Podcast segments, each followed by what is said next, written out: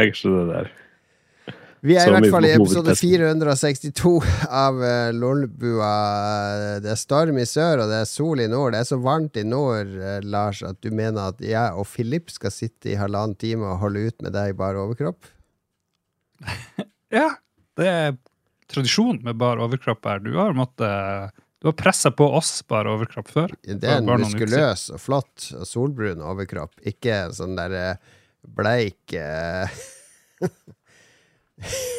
Ja ja, den er ikke så ille. Eh, Terninga, terningkast tre. tre. Det er jo Lolbua-terningkast. Tre pluss. Tre pluss. Ja, tre er det beste. Du har ikke blitt særlig brun Takk. til at det er så sykt mye sol der oppe. Nei, det har vært tidenes sommer.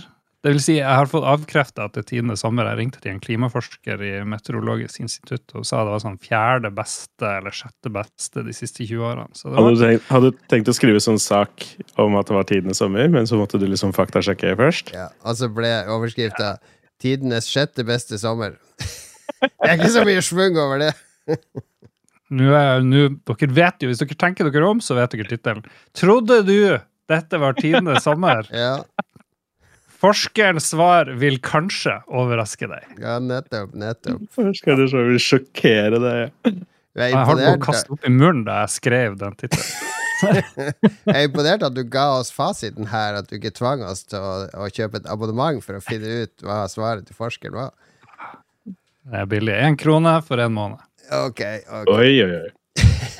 Men uh, hjertelig velkommen, karer. Og til deg òg, Philip, uh, som har overlevd uh, sist. Vi snakka sammen, var jo 24-timersdriven vår som ble en vi, jeg vet ikke, vi har ikke definert suksess, da, men for oss så var det en kjempeartig suksess.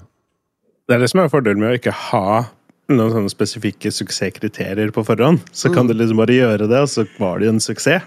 Eh, men det vil jeg passe at det var. Vi holdt ut i 24 timer pluss, og spilte, ja, ja. og hadde folk som Vi hadde, på. no, altså, vi hadde tenkt at det bør være tosifra antall seere nesten hele streamen. Kanskje ikke i de sene nattetimer og de tidlige morgentimer, men det var stort sett ganske mange som så på, og koste seg. Fikk mye god feedback. Mm. Jeg gjorde det. Det var uh, for, min del har jeg jo satt av ti timer eller sånt til å spille Super Mario 64.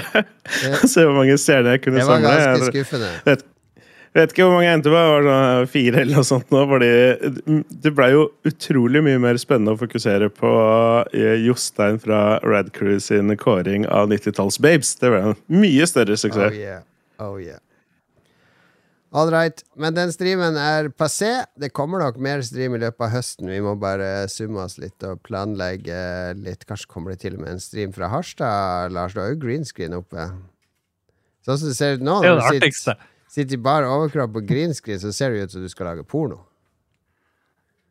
Det gjorde jeg i sted. Ja, nettopp. Så det er derfor jeg måtte ta av klærne. Hvilken, eh, to hvilke, hvilke kategoritags fikk den pornoen på, eh, på YouPorn? Mm, Gilf. uh, solo. Gilf Solo. ja, det. Den går. Ikke masturbate. Jo, det òg. Ja, det. Ok. M-boy. Eh, jeg bare sånn veldig kjapp shout til Lars, siden han aldri kommer til å se det selv. På, inne på twitch.tv slash lolba, under About Lolba, så har det stått eh, Jon Cato, Lars og Mats og Philip og Ståle og KK og også alle i Lolbua da, streamer spill og podkast. Og nå står det Philip og JC streamer spill og podkast. En, en vakker dag. Mats og Lars også. Oh, ja, Mats har streama én gang. Jeg har hørt det en gang, ja. En gang, ja. Og det var, vi har bare én skjerm, han, vet du. Så det ble så mye styr. Og, altså, jeg tror ikke- han ville ha en skjerm til, for han er veldig sånn purist. Ja, ser ikke Vi får vente. Ok, hva har skjedd siden sist, da, Lars? Boom! Jeg var, det har skjedd så mye. Hvor skal jeg begynne? Jeg kan begynne med at jeg var og kjøpte mitt tredje par briller på ja, briller, tre uker. om Nå har vi hørt om de brillene i hele sommeren nå. Ja, jeg Hva vet, skjer men det er, er da? jo u- uendelig interessant. Fordi Mm. Først så fikk jeg meg terminalbriller. Ligner veldig på de du har. På deg akkurat nå. Ja, ja, Og så kjøpte jeg meg vanlig. Var en Du var langt forut for din tid. Eh, Alle ser til deg. Eh, De brillene Philip har, er jo akkurat lik dine òg, Mm. hvis han hadde kjøpt briller. Men jeg fant, jeg fant et hull i min brilleportefølje, og muligens har funnet enda et hull. Så kanskje jeg må kjøpe fire briller, men nå har jeg kjøpt tre, og den siste kjøpte jeg i dag. Fordi når du sitter og, og lever det vanlige livet, av og til ser på mobilen, da har du det feltet nederst, som gjør at du ser bra nederst, og så har du der oppe, som er alt annet. Ja, det, Men- det er progressive briller du snakker om. Ja, Ja. Mhm. Men nå har jeg jo, jeg har jo lest så jævlig mye i det siste på Kindle, og da funker det ikke med de der du skal bare gløtte ned på mobilen og lese litt og sånt, fordi når du sitter i en god stol, ikke sant, så har du jo boka liksom mer foran deg, Ja, men da må jeg liksom bøye meg bak eller holde boka helt nede mot magen. Det går ikke i Jeg det lange løp. Så jeg må ha egen. jeg bruker jo ikke da eh, databrillene. Nei, fordi de funker bare på sånn dataavstand, for de er ikke delt i to, liksom, sånn at du skal kunne Hæ? lese. Fordi min Ja, Jeg bruker fordi Akkurat de brillene jeg bruker nå, er mine skjermbilder. Og de kalles lese- slash databriller, for de bruker jeg til begge deler. ja, Er de delt opp i to, da? Nei, nei, nei. liksom- De er laga ja, for en avstand på ca. 40-50 cm til skjermen.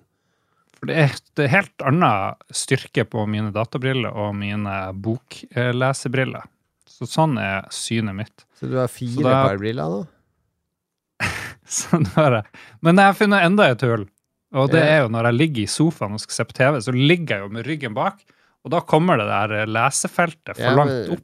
Det du har oppdaga nå, er jo at progressive briller er bare tull. Du bør ha noen for å se langt på avstand. De må være like overalt. Noen, En for å lese bok, en for data. Bom, ferdig. Ja, Ja, Men du kan jo ikke gå og bytte hele tida. Hvis jeg skal gå med vanlige briller, og så skal jeg se ned på mobilen Ja, vet du hva du gjør da? Da kjører du maks font på mobilen, akkurat som en 80-åring. For da klarer du å se hva som står på mobilen. Det er det alle normale folk gjør. Progressive briller, jeg kjøpte også progressive briller, det funker ikke. Det er, det, alle sier det tar litt tid å venne seg til å lære, men det er sånn dårlig kompromiss. Det er det stereoanlegget med innebygd kassettspiller og CD-spiller, som har en dårlig kassettspiller og det er en dårlig CD-spiller, i stedet for å kjøpe en dedikert CD-spiller og en forsterker. Og en eh, egen ja, kassettspiller er ingen som kjøper det. Men, Eh, men du skjønner poenget mitt. Du, du får skal sånn alltid énpakke på brillene. Det går ikke, for da blir det kompromisser. Og det er de kompromissene du sitter med nå og ikke har lyst til å svelge. For Det er vel en del lyttere som har vært på meetup, som har lurt på hvorfor Jon Cato går rundt med den der rumpetaska si, og det er fordi jeg må ha tilgang til fire briller sånn til Ja, men tid. nå bruker jo ikke jeg de progressive lenger, for jeg har ikke så dårlig syn. Jeg bruker de bare når jeg kjører bil.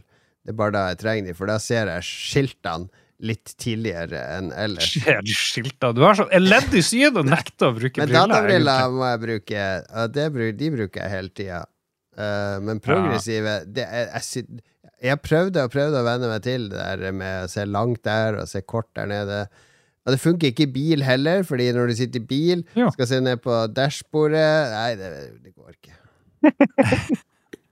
Ja, ja. ja. Fortsettelse følger. Uh, vi får se hvordan det går. Jeg gleder meg til å bli gammel. Kan du ikke bare du ta bare- laseroperasjon? Ja, jeg skal til å si det. Bare ta litt innhogg i Patron-kassa og Mm. få zip-zip. Ja. Hvor var du var hen igjen, Philip, og fikk operasjon? Jeg har gjort det i Istanbul. Det var kjempebillig. Ja, Hva Jon Cato syntes om det? Ja, det er jo billigere, jo bedre. Ja, ja. Det var ikke på bakrommet på uh, Hva var det du sa? Det Var det kebabsjappe? Kebabsjappe? Ja, Ja. Det var Døner og Briller Briller. AS.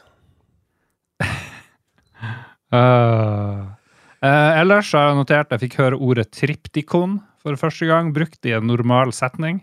Det, Uh, tipper jeg dere aldri har hørt. Nei, var det en normal setning? Ja.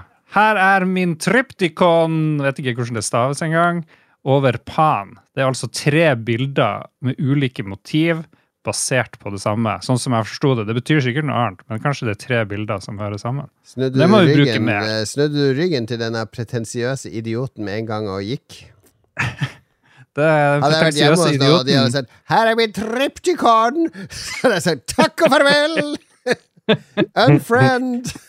Ellers hadde du blitt veldig imponert. Jeg ble veldig imponert, fordi han drev oss Det, var, det er sånn old school kista. Han, er- han er over 80 år og kunstner og skulle presentere sine greier.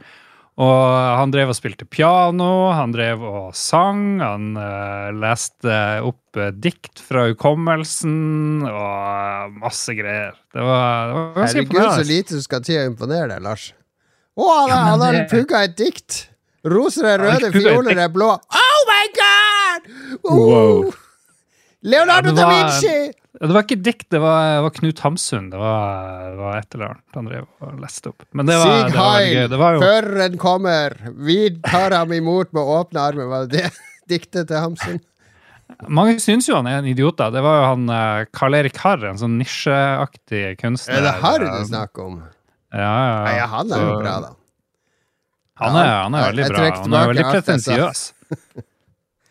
En av Harstads store, Ja, han, store billedkunstnere. han øvde jo på å male i kjelleren til bestefaren min. Så han har har sånn svært veggmaleri som han malte der, av en toppløs afrikansk dame. Det kunne ikke, kunne ikke blitt vist frem i dag. Ja, i Ringgata 6 så henger det gammel harrkunst fra da han var ung. Se, nå skriver han ned. Nå skriver han ned. Ringer til sin eh, kulturjournalist. Dra opp til Ringgata 6 med en gang! Ja.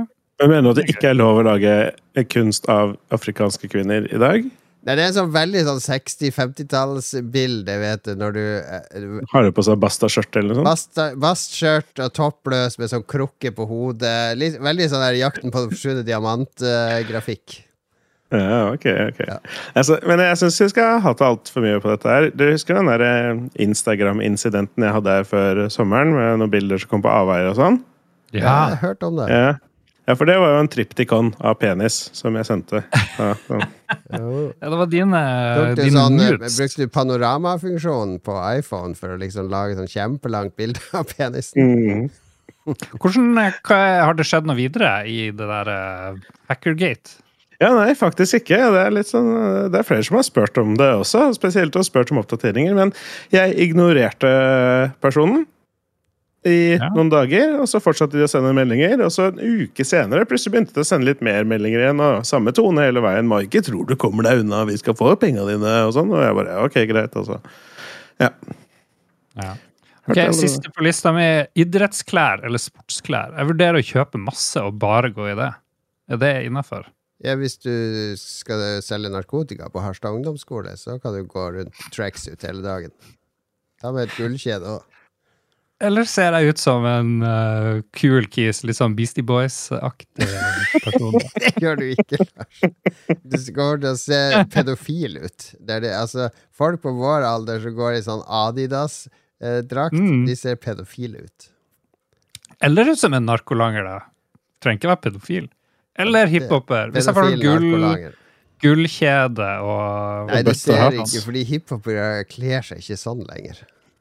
Men Philip det kunne gått kulere. sånn. Philip hadde sluppet unna med det. Mm.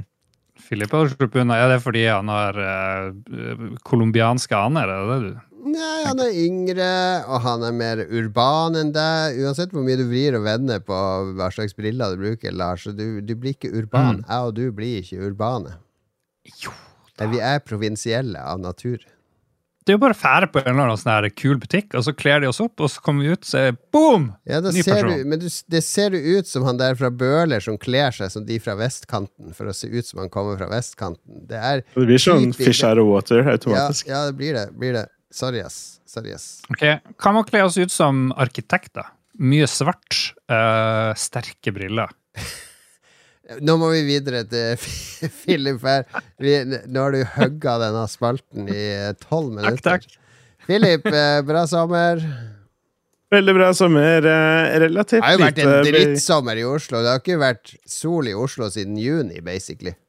Ja, jeg tenkte bare for, for min egen del, som vanlig, selvfølgelig. Ja. Men eh, jo da, ja, vi hadde jo noe kjempevær i begynnelsen av sommeren, og plutselig forsvant alt det, og så var det bare ganske sånn semikjedelig i juli. Men eh, det har likevel vært eh, behagelig, avslappende, rolig. Mye utepils. Eh, så lenge det ikke regner, så er det jo mulig å drikke utepils. Og det mm, eh, har vært ganske ålreit. Og så har jeg gjort én ting som er litt sånn semisært.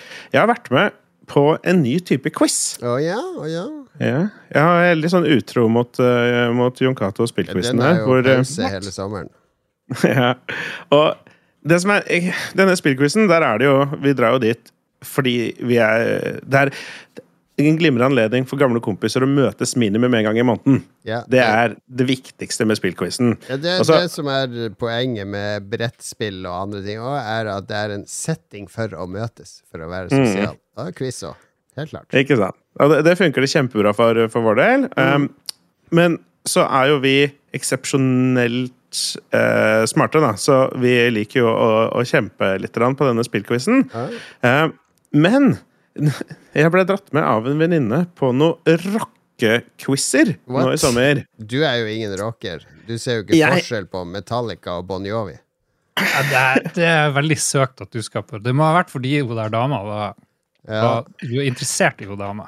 Ja. Hun, eh, hun dama er en veldig god venninne som eh, De har en sånn På Aya, er i Oslo, så på den rockequizen så trekker, deler de ut noen lodd, og så trekker de et av loddene, og da, hun vant liksom forrige eh, måned, og da fikk hun lov til å velge quiz, et det tema. lotteri. Det er lotteri, det er ikke quiz. Det er, Philip, du Nei, men den som vinner det lotteriet, får Ja. lov til å velge et tema til neste eh, quiz, da.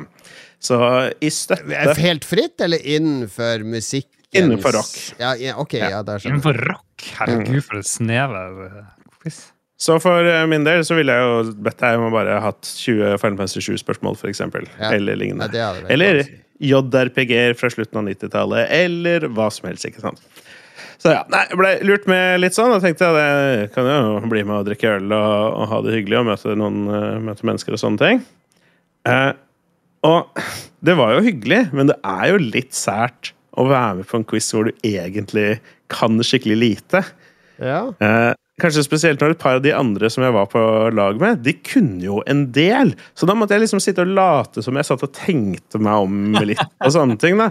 Og de, vis og de visuelle oppgavene er kjempefine, for da kan jeg liksom reise meg opp og gå fram og stå og titte litt på skj- skjermen og bare Å ja, nei, ja, hva kan dette være? Er du litt kjent med den? Nei, jeg er ikke helt sikker. og sånne ting. Får slått i hjel masse tid på den måten.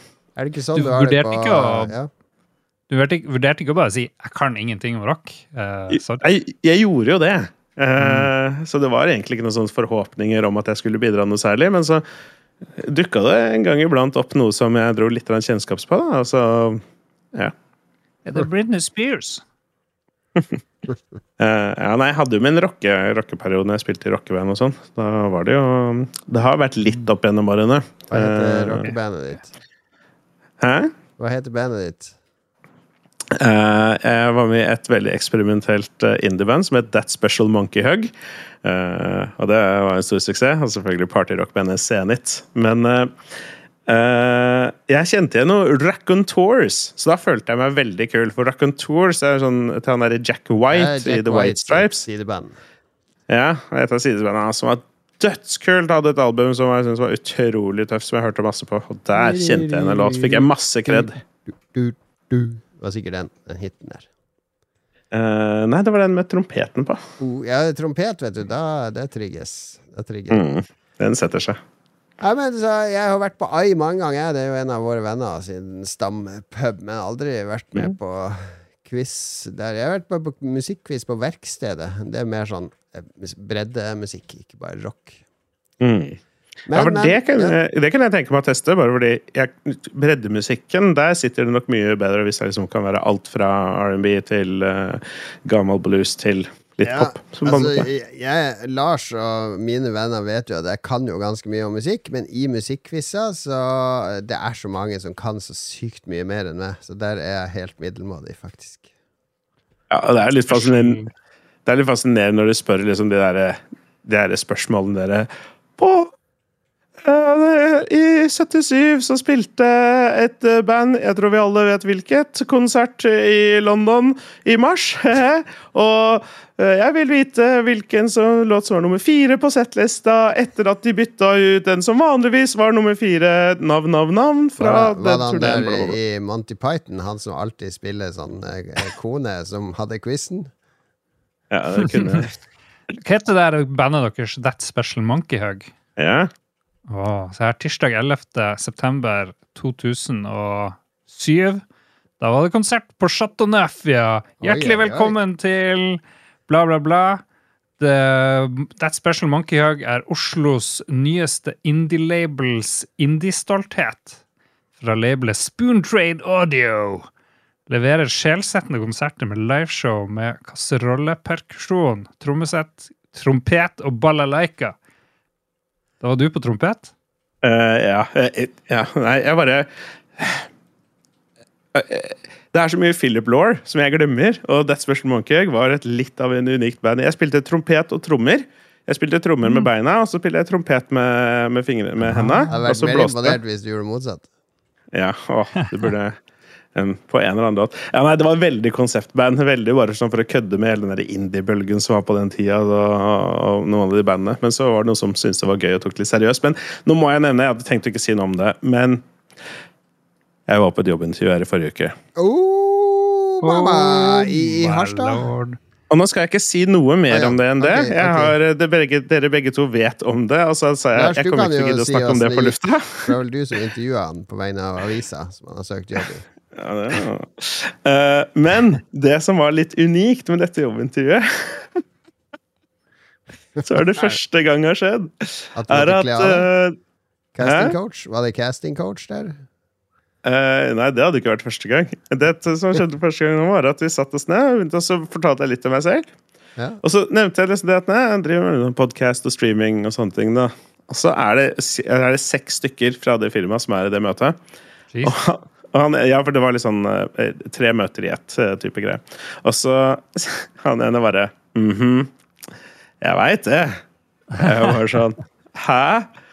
Og han, han, han kjenner til Lolbua, da. Oh my Eh, God. Boy. Så da var det en fyr som satt og så på slutten av møtet så satt og liksom sendte rundt YouTube-linken til Harstad-propaganda til de andre og sånne ting. altså, Ah, Dette var noe som han in the kjente til og syntes it's var gøy. in the box! Du kan takke oss uh, 10% av lønna, Lars. Det vi skal ha. Ja, ja, ja. ja. Ja. ja. Nå skal jeg ha 10 av deres lønn og hvis det ikke blir noe av. Oh, no. Da er det Harstad-propaganda sin skyld. Lykke til, lykke til. Nei, men da, Nå ble jeg så lang spalten, og jeg har en ting jeg kan ta som jeg har gått tenkt mye på i hele sommer.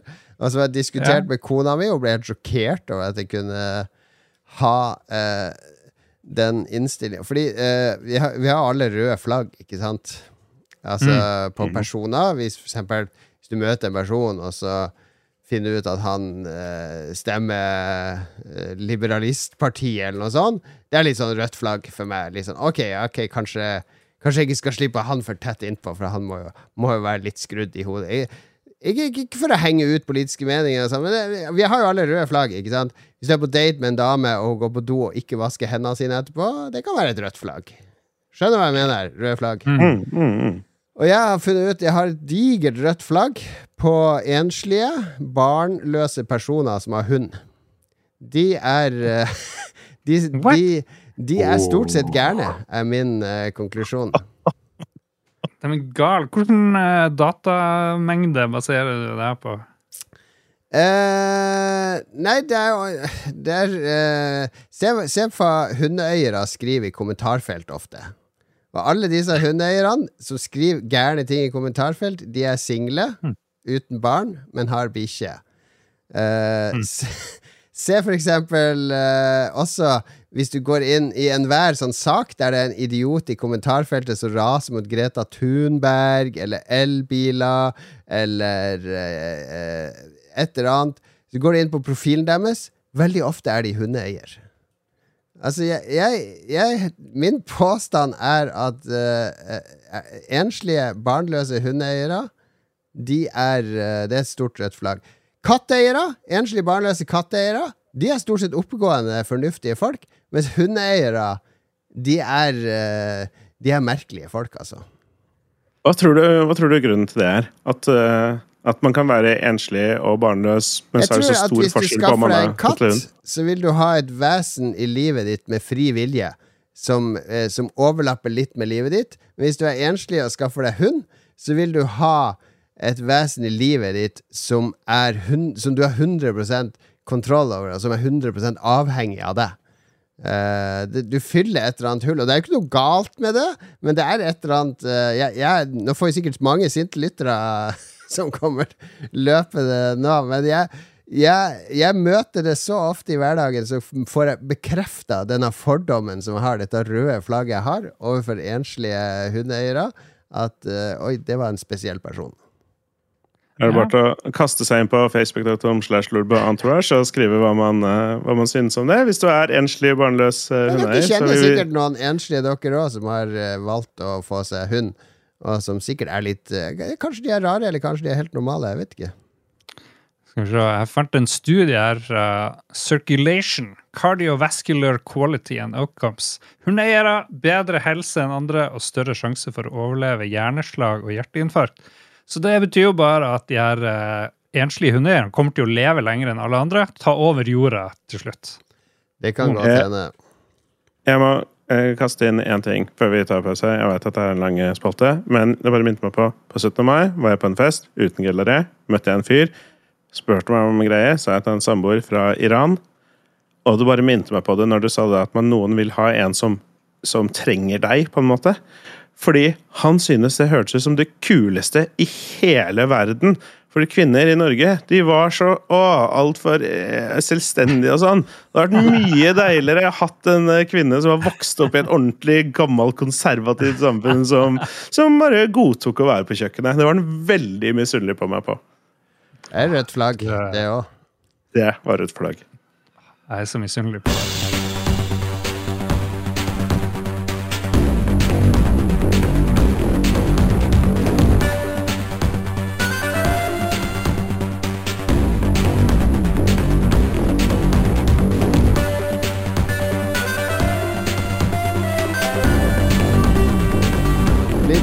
Musikk fra Metroid Prime Hunters der. Et, eh, kanskje det minst populære Metroid-spillet Eller var det det som var multiplayer Metroid? Jeg husker ikke. Hmm, hvem vet? De Ingen med- vet. De kom Ingen med et Metroid-spill som var fireplayer, eh, sånn her eh, deathmatch og sånn. Det er det minst populære. Du sendte en melding, og det kom med på opptaket, kanskje? Beklager. Ja, fordi eh, det er Discord som sender lyd, som jeg tar opp lyd fra Lars. Ja. Jeg måtte bare dele plakaten til konserten til Philip, som var Del jævlig bra. When, when indie goes indie er liksom slagordet for den konserten. When Indiana Jones goes indie. Ah, yes. Vi hadde en mye, mye bedre plakat jeg husker som ble lagd til en uh, kjedelig konsert i Praha. Den skal jeg finne på et tidspunkt. Sendte deg, Lars. Do. Praha.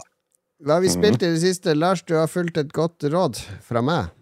Jabadu! Vi snakka om spillene som kom eh, i august i forrige uke. og Det var blant annet Sea of Stars. Oh Et nytt sånn JRPG. Og da sa du, minte du meg på at jeg burde spille eh, The Messenger, som dem har lagd tidligere. Mm. Og eh, jeg følger jo selvfølgelig alle råd. Lytter alltid til det du sier. Yeah. Og da, da, da har jeg burna det opp. Og det som overraska meg, for jeg visste jo ikke noe egentlig hva det var, men det, det var mye mer sånn uh, Megaman enn uh, en, uh, forventa meg. Litt, Ja. sånn, um, litt sånn stivere. Litt mer eh, dogme. Du har liksom ikke det er ikke, det er ikke, Du syr ikke pute under armene på Det er like mye som moderne litt mer moderne eh, spill. 8-bits-estetikk også i gameplayet. Ja. Ikke bare det visuelle. Absolutt. Ja, og det er jo en det, det, Jeg spiller jo ikke så mye den der eh, liksom super old school-aktige spillene, men det var litt deilig Ja. å, å ikke ha så mye valg og frihet. Men da får du jo oppgraderinger òg etter hvert, så du får mer, eh, mer moves og sånne ting.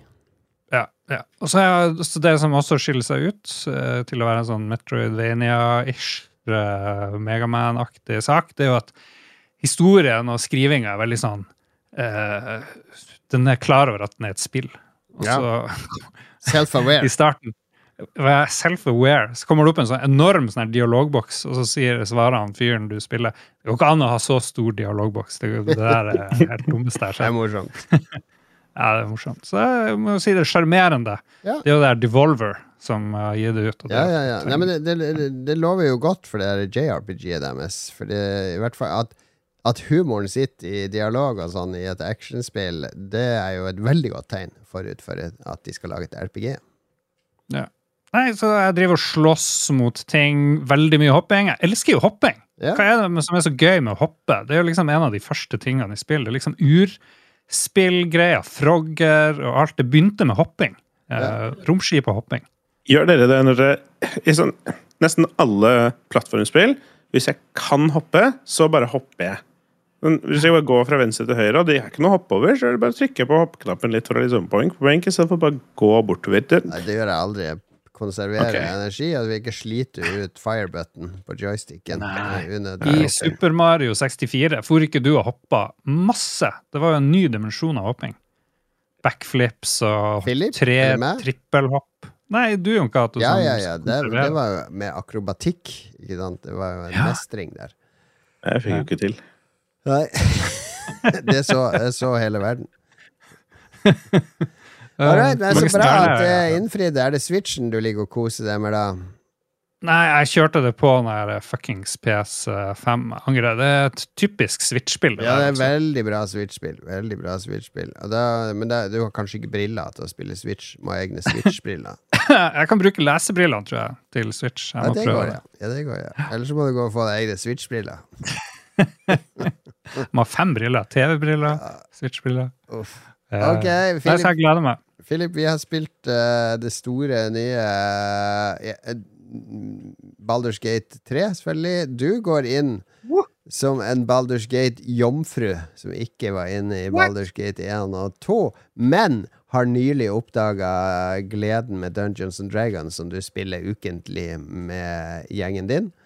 Eh, Ja. og, og jeg har jo spilt uh, Baldur's Gate 1, 2 og Icewind Dale og Pool of Radiance og de gamle SSI, mm. ADHD-spillene, og har kunnet Dungeons and Dragons-reglene. Det fikk jeg inn med morsmelka, omtrent. Uh, Så for meg er dette uh, mitt naturlige habitat. Så, så hva syns du, da, eh, Philip, som, som er litt mer fersk? Ja, det er veldig eh, annerledes engangsporter, inngangsporter, holdt jeg på å si, for oss. Jeg har jo visst at disse spillene har eksistert, og så har jeg skjønt liksom litt hva de er. Men de der action-RPG-ene var jo aldri noe for meg. liksom Diablo og sånn syns jeg liksom det var bare sånn helt ok. Så, og dette følte jeg liksom var Diablo bare mer nerdete, så derfor så gadd jeg liksom alle å titte på det. Yeah. Men eh, jeg likte jo Divinity Original Sin 2 veldig godt. ja. Og så har jeg, som du nevnte, blitt Ja, Ja, 20, 2023 har jo liksom vært det store DND-året, hvor min interesse har eksplodert eh, eh, eksepsjonelt. Så det passer jo perfekt at Baldur's Gate 3 kommer ut nå. Og spesielt når jeg da så på streamen din, Jon Cato, og skjønte For da, Det var først da jeg liksom fikk sett det ordentlig, hvor mye dette er Dungeons and Dragons 5th Edition. Ja, for det er veldig, veldig nærme det å spille Dungeons and Dragons på ordentlig. Uh, og altså den, hele den grupp partydynamikken som er Dungeons and Dragons, er lagt opp til at man er ulike folk med ulike personligheter og ulike ferdigheter som skal overvinne mange utfordringer. Mm. Eh, Men hva er, det, hva er det du føler gjør det mest annerledes enn Divi- Divinity Original Sin 2? Mm, nei, det er jo at jeg, jeg kjenner jo Forgotten Realms og alt det der veldig godt. Forgotten Realms var jo der vi spilte Dungeons and Dragons på 90-tallet. Så jeg kjenner jo verden veldig godt. Den er det er jo som å vende tilbake til en kjent verden. Det, det var det ikke i Divinity. Og i Divinity måtte jeg liksom lære meg hva er reglene hva er det man kan. Og, ja, man kan helle olje ut og tenne fyr på det, og man kan være Det er jo det som er kult med Larian sine rollespill, er jo at de lar deg jo være veldig kreative i hvordan du løser ting. De setter opp en masse komplekse systemer sammen, og så stoler de på at du som spiller eh, bare Eller det er så solid grunnmur i det at du som spiller kan gjøre veldig mye ekstremt uten at grunnmuren raser sammen, men du oppnår resultater ved å, å gjøre det på din måte. Og det, det er jo det jeg likte veldig godt med Divinity Original Sin. Så når de skulle lage Baldur's Gate, så tenkte jeg at det er jo ikke noen bedre folk til å lage Baldur's Gate. Hadde, hvis du sammenligner med Mass Effect og BioWare og sånn, de har jo en mye mer sånn der uh, uh, rigid tilnærming til hva et rollespill skal være. Det skal være et, et skill-tre. Eh, og det, det, være, det er veldig begrensa hvor mye power de ulike karakterene har. Men her, når du går opp en level her og får et nytt spill, det kan jo snu opp ned på hele taktikkeriet ditt og, og partyet ditt. Og, altså det, de er så hver karakter eller hver klasse har så mye komplekse ferdigheter at du kan angripe kamper helt utrolig forskjellig. Og det, det er bare selve powerne de har. Så I tillegg så har de jo systemet ute i verden med at du kan splitte laget ditt opp. Du kan sende tyven din til å snike rundt på baksida, og så kan du sende et par av de andre inn på forsida og gjøre klar bueskyteren, og så kan du aktivere kampen og ha en masse advantager hvis du tar den derre førkampstrategien og grubler litt gjennom den. Eller så kan du bare marsjere inn og blaste løs og fortsatt klare. Mhm. Jeg elsker hvordan hele spillet bare lar meg gjøre stort sett akkurat som jeg vil. Ja, og det er kanskje det som gjør det mest likt Dungeons and Dragons i gåseøynene. hvordan- fordi Når folk spør meg hva, hva kan jeg gjøre, på en måte, hva, hva er meningen at jeg skal gjøre i Dungeons Dragons, så er det jo hva du vil, er på en måte svaret. Du kan velge å gjøre på en måte hva du vil, og det er jo noe sånt som i Dungeons Dragons ville funka helt fint. Du har olje, du kaster det på bakken, du tenner det på. Ikke sant? Så får det en effekt. Og det er den type mekanikker som virker som er veldig oversatt til spillet. Um, og, og, og som du nevner, det hvor mange måter det er på en måte å, å, å spille rundt utfordringer og ting, hindringer, uh, basert på ja, hvilke ferdigheter du og dine medspillere har, er veldig Det er unektelig veldig spennende. Um, og, men også litt hvorfor jeg lurte eh, hva jeg følte var så annerledes enn Divinity. For jo mer jeg tenker på det, så er det så er det mye av det samme som i Divinity Original Sin 2. Eh, men med hele den der Dungeons and Dragons D20-rullinga på en måte som grunnmekanikken da, for å klare ting. Og det er veldig gøy at du ruller terningen fysisk i spillet. Mm. Ja, er overraskende morsomt å klikke på den. Mm. Eh, og så må jeg jo innrømme det, jeg har jo jeg har jo streama det noen timer nå, jeg også, så har jeg spilt eh, en del timer offstream. Og eh, jeg jukser jo litt, jeg. Jeg er powergamer eh, og minmaxer og saveskummer. eh, mye av den eh, powergaminga eller minmaxinga kommer fra liksom Dungeons and Dragons kunnskap på en måte, da, om hvordan jeg liksom bygger karakteren min. Så jeg bygde jo en paladin level 1 som jeg hadde 8 i strength, som er liksom hovedabilityen for en paladin. Ja. Fordi pla planen min var på level 2 bytte til warlock, og så kaste Eldritch Blast til, til level 3 warlock, hvor jeg da får Pact of the Blade, og da kan jeg bruke karismastaten min til å slå meg, og plutselig så er jeg tilbake i nærkamp igjen, da, ikke sant. Uh, men det er Noen ganger så er det liksom Det er så Spillet gir deg så mye å ta inn, og at jeg noen ganger bare løper litt fremover, ser litt hva som skjer, og så loader jeg en save, og så liksom bare OK, nå liksom tar jeg og angriper, angriper ordentlig, på en måte. Alle kan spille det sånn som de vil. Herregud, Mm. så lenge man har det gøy. Men jeg syns det er veldig gøy, for det er altså at spillet er blitt så sykt populært. Eh, det er jo det store, store spillet akkurat nå. Eh, mest preordra på PlayStation 5. Slo Spiderman, liksom, i preorders nå.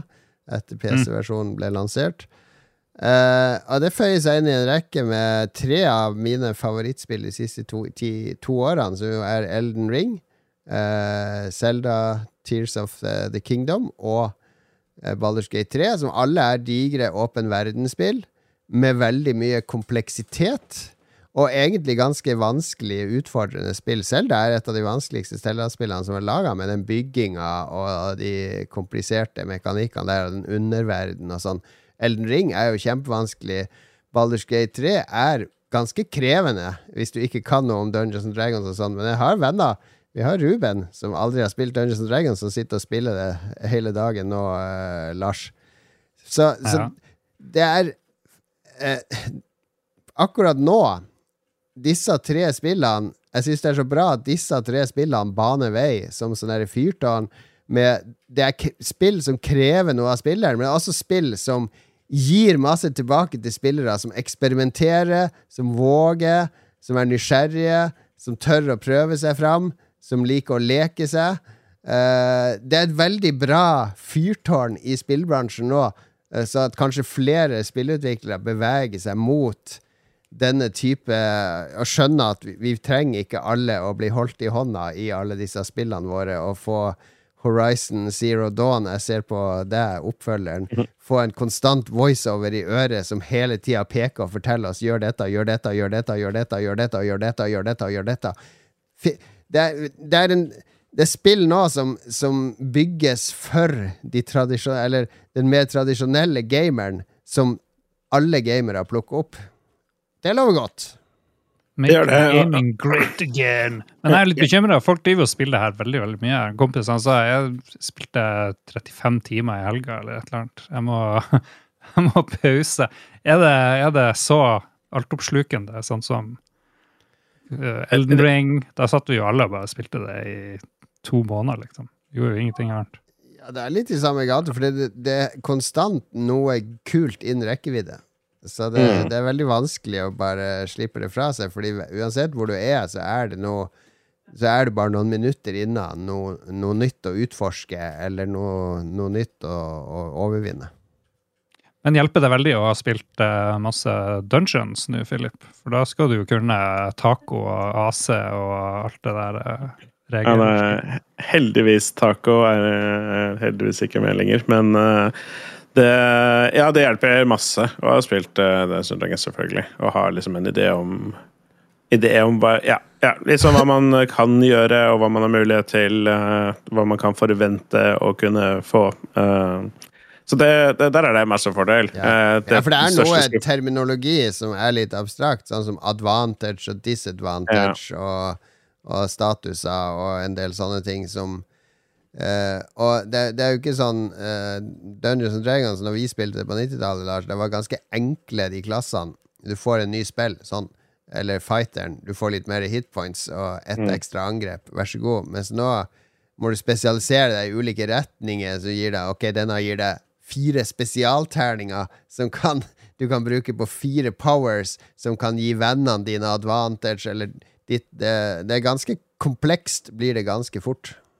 Mm. Ja, Ja, det kan bli ganske komplekst. Og den største fordelen er å ikke trenge å sette seg inn i et nytt system. Liksom, Jon nevnte med Unity at da måtte man liksom lære nye ting. For her er, Sånn som advantage, det vet man hva er. Også disadvantage er åpenbart det motsatt. Også, ikke sant? Så det er at, liksom, at de tingene, de tingene sitter, er en kjempefordel. Men jeg er utrolig grinete over at en barbar og druid multiclass ikke kan beholde rage etter at de har gått inn i bjørneform. Det har jeg i hvert fall ikke fått til ennå. Det er veldig skuffende. Har du ikke møtt Drist Durden? Er han med her òg? Eh, Ikke møtt, ikke møtt. Nei, tror jeg ikke. Han var jo i første Gate, tror jeg. Det var jo veldig gøy. Møte folk du har lest om i de her eh, bøkene. Var det Dragonlance? Hvilke bøker var han med? Jeg husker ikke. Må jo vært i Forgotten Realms-bøkene. Ja Anywho. Jeg gleder meg. Det kommer var det 7. september eller noe sånt. På til, PlayStation, eh, ja. PlayStation. Hvordan blir det å spille med kontroller? Det tenker Det jeg må jeg være ser flere forferdelig. på Steam-lista mi som spiller med kontroller, og det går helt fint. What? Ah, ja. Funker sikkert. Ja. Ja, Mhm. det tror jeg er. Jeg, sp jeg spiller en Dragonlance-kampanje nå. Ja, veldig ålreit. Men uh, det som drar meg mest ut av Dungeon and Dragons, liksom feelingen, er at, det virk er at det er så lutete. At det er så mye å lute hele tiden. Og jeg elsker å lute ting, men bare gi meg mye, mye mindre. Jeg trenger jeg, Det er sånn Jeg plukker med meg masse greier som jeg selger, og det er, det er ikke nødvendig. Bare liksom, Jeg skjønner hvorfor mekanikken er der, så du kan plukke opp og du må liksom inventory manage for å ikke bli encumbered og sånne ting, men bare drit i det. Altså, det er kjempekjedelig, men jeg må gjøre det. Jeg hater det. Jeg hater meg selv. Det er en jobb. En jobb å være eventyrer. All right. Det, jeg tror det holder, det. Mye Baldur's Gate-prat. Vi skal nemlig kåre beste spillet fra mars 1987 nå etterpå. Det er bare å glede seg.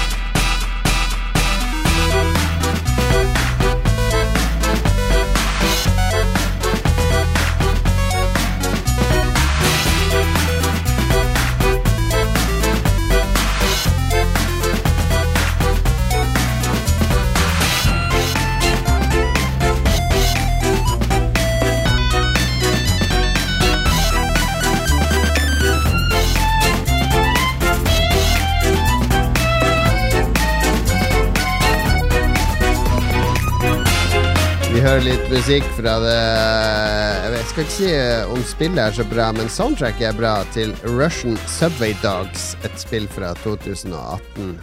Du hørte at du var i Russland og på en T-bane der, Lars. Det var veldig Russian. Ja. Klar til å gå på toget. Klar til å stige på toget, og vi er også klar til å stige inn i vår DeLorean. Vi reiser tilbake til eh, ja, 10. mars 1987, opp i 88 miles per hour. Og vi lander midt i eh, Karl Johans gate, stopper vår DeLorean i mars 1987. Hva skjedde i mars? Husker du mars 1987? Jeg hørte sikkert på Madonna og a-ha. Og så Predator på Ja. VHS. Det var en he- begivenhetsrik måned i verden. da Første Starbucks uh, åpna i, uh, utenfor USA, i Canada. Det var uh, Reagan uh, besnakka høyt om Iran-Kontra-affæren for første gang i mars 1987. Uh, hva mer er det som skjedde her? Eh, Å, det eh, eh, Disney og eh, sjefen for Disney, han Michael Eisner, og, og eh, Jacques Chirac inngikk en avtale om å bygge at Disney skulle få lov å bygge Euro-Disney. Eller Disneyland Paris. Det skjedde da. Endelig. Mm. Det var WrestleMania 3 i mars 1987. Det husker jeg. Det var Hulk Hogan mot André the Giant. Det var 93 000 tilskuere, som var rekord. Tilskuerrekord på, på den tida. Eh, Det var en elendig måned på Billboard Top 100. Ja, Eh, Bruce Willis er på åttendeplass. Det er bare drit der. Platoon vant Oscar for beste film eh, året før. På. Oscar-utdelinga i mars 1987. Og det kom en håndfull spill, og denne, når denne kåringa lå litt sånn brakk eh, Fordi det har vært sommerferie og sånn, men den er jo veldig populær. Vi kåra kårer jo beste spill i 1986 i vår. Og nå, fra, kanskje før jul så klarer vi å kåre beste spill i 1987. Vi tar det måned for måned, er jo konseptet vårt. Og mars 1987, der har jeg fremheva fem spill. Det var litt mager spillmåned, eh, sånn kvalitetsmessig. Det første er jo et spill i eh, serien eh, om Monty Mole. Eh, altså denne britiske muldvarpen som eh, dukka opp i, i flere spill på eh, 8-bits datamaskinene. Vi snakker Spektrum og Commodore 64. Eh, og i, i dette spillet som heter Auf Wiedersehen Monty, så skal Monty jeg, jeg tror det var mye humor og ironi hos disse britiske spillutviklerne, eh, som var stort sett unge menn. Fordi eh, Monty on the Run ble veldig populært. Så konseptet i Auf Wiedersehen Monty, husker jeg, er at Monty tjente så mye penger på Monty on the Run, men så ville skattemyndighetene i England ha så mye av inntektene hans at han skal kjøpe seg en, en øy i Hellas for å rømme fra, fra skattemyndighetene i England. Og da må han reise rundt i Europa, så auf Wiedersehen Monty, skal han liksom forlate England og flykte, bli skatteflyktning. Eh, og da må du reise rundt i Europa for å samle en masse ting, eh, eller penger, eller kunst, eller hva det var, som du skal selge for å kjøpe deg denne øya, da. Ja. Vet du hva, Jeg tror jeg spilte veldig få av de her spillene. Det eneste jeg husker av det her, det er jo musikken, som er helt uh, magisk. Det er helt magisk musikk, og det er uh, Jeg spilte det her ganske mye. Det var mye dårligere enn Monty on the Run, og det fikk altså mye dårligere kritikk, så det er derfor jeg tror kanskje det ikke når opp i denne kåringa. Man kunne velge å spille det enten med eh, eh, hovedlyden, som er Auf Wiedersehen Monty, som ble komponert av Rob Hubbard og Ben Daglish. En kul ditty eh, tune. Men du kunne også spille det med lydeffekter, og da fikk du hver gang Monty kryssa en grense i EU. Eh, Du drar jo til Spania og Tyskland og sånn. Så spill, kommer det en litt sånn trudelutt med nasjonalsangen, eksempel når du kommer til Frankrike.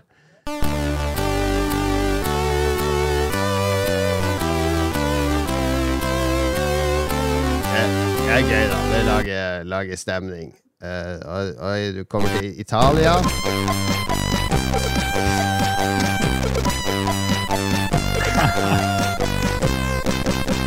Ok, det er ikke den italienske nasjonalsangen, da. Det er det ikke. Men det morsomme er når du kommer til Sverige, så får du denne sangen.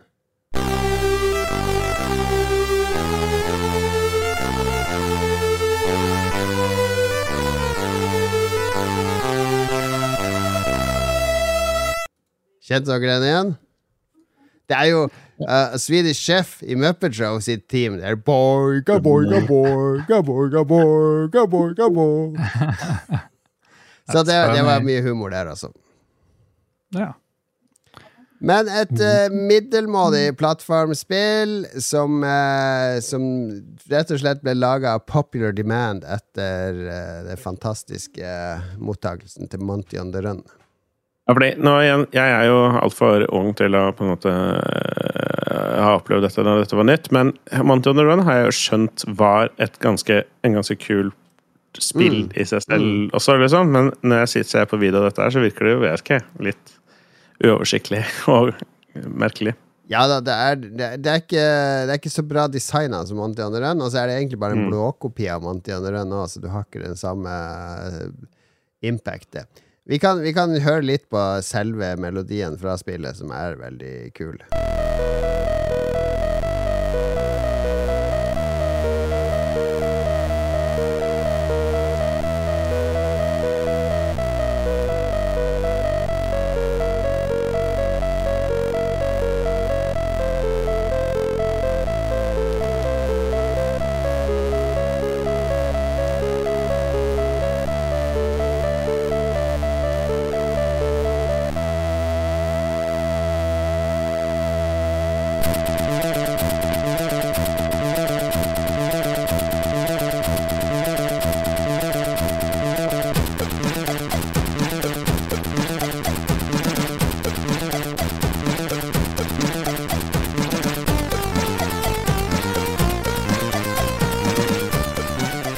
Var litt gøy at Rob Hubbard og Ben Daglish, som eh, tragisk nok døde for noen år siden, samarbeida på et soundtrack. Det var ikke så vanlig på denne tida. Mm. Men eh, jeg føler at denne måneden så må vi bare gå etter musikken. Da tror jeg vi vet hvem som Ja, kanskje, kanskje vi skal gjøre det. Vi kan gå videre til neste spill, som også er Commodore 64. Og nå snakker vi om artig opphav, fordi husker dere 2000 AD? Det bladet, eller noe sånt? Ja, det var en sånn uh, britisk uh, sånn uh, tegneserie Litt sånn britisk versjon av Heavy Metal. Heavy Metal var et sånn amerikansk tegneseriemagasin med mange forskjellige sci-fi og fantasy-tegneserier i. Og 2000 AD, det var en britisk variant av det. Og 2000 AD, de hadde jo serier som Judge Dredd.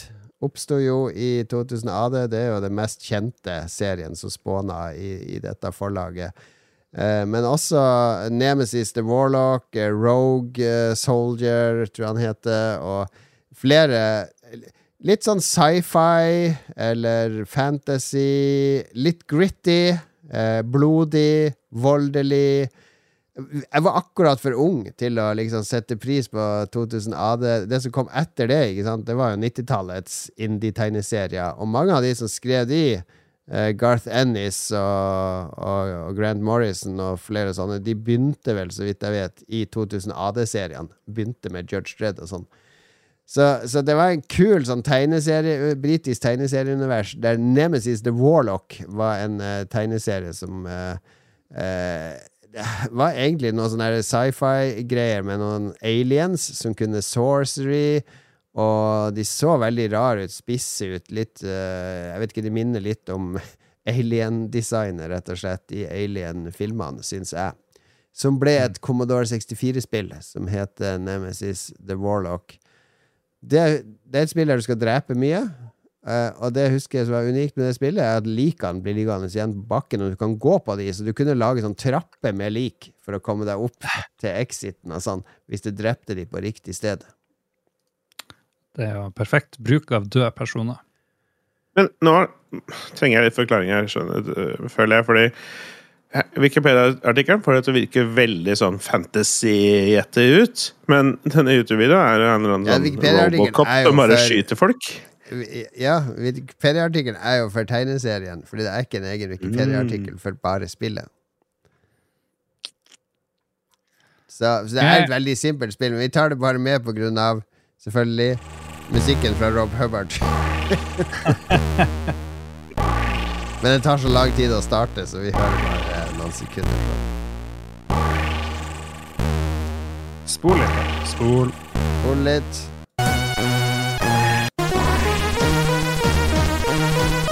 Veldig seig veldig lenge. Men nå, og nå Rob Hubbard begynte med litt, litt, litt mer progressive side. Han begynte å eksperimentere med litt lange låter og sånn. Jeg tror han, han oppdaga at Martin Galway drev og lagde veldig sånn proggat, eksperimentell musikk, så han begynte å eksperimentere litt mer sjøl. Den begynner veldig seigt i mange minutter. Men på slutten så har den eh, gått opp en norsk. Den blir mer og mer aggressiv. Mer og mer aggressiv jo lenger du hører.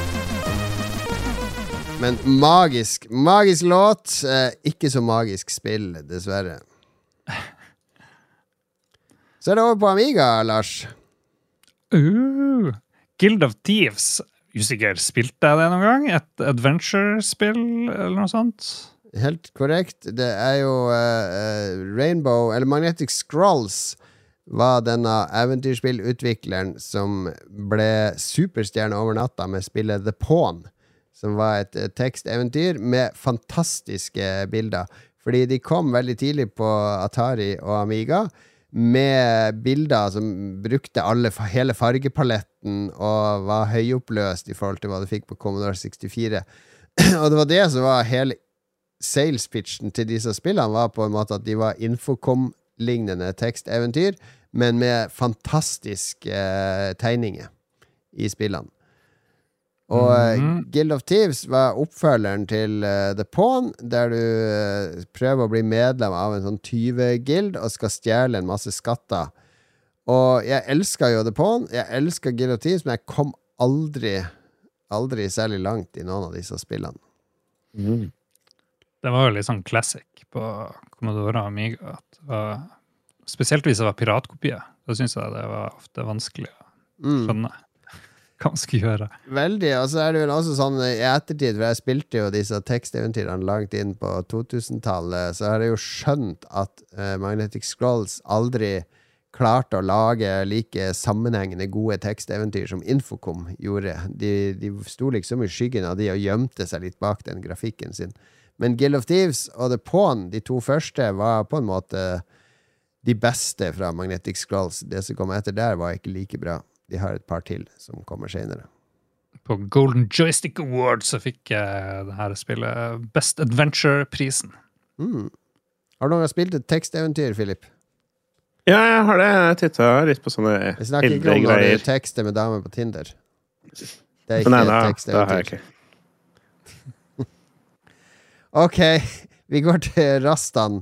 Eller Rastan Saga, som det er kjent som i verden, bortsett fra USA, der de bare Nei, det blir for vanskelig med to navn, klarer vi ikke å huske. Her skal det bare hete Rastan. Rastan. Jeg får veldig sånn Golden Oh Axe-feeling. yes!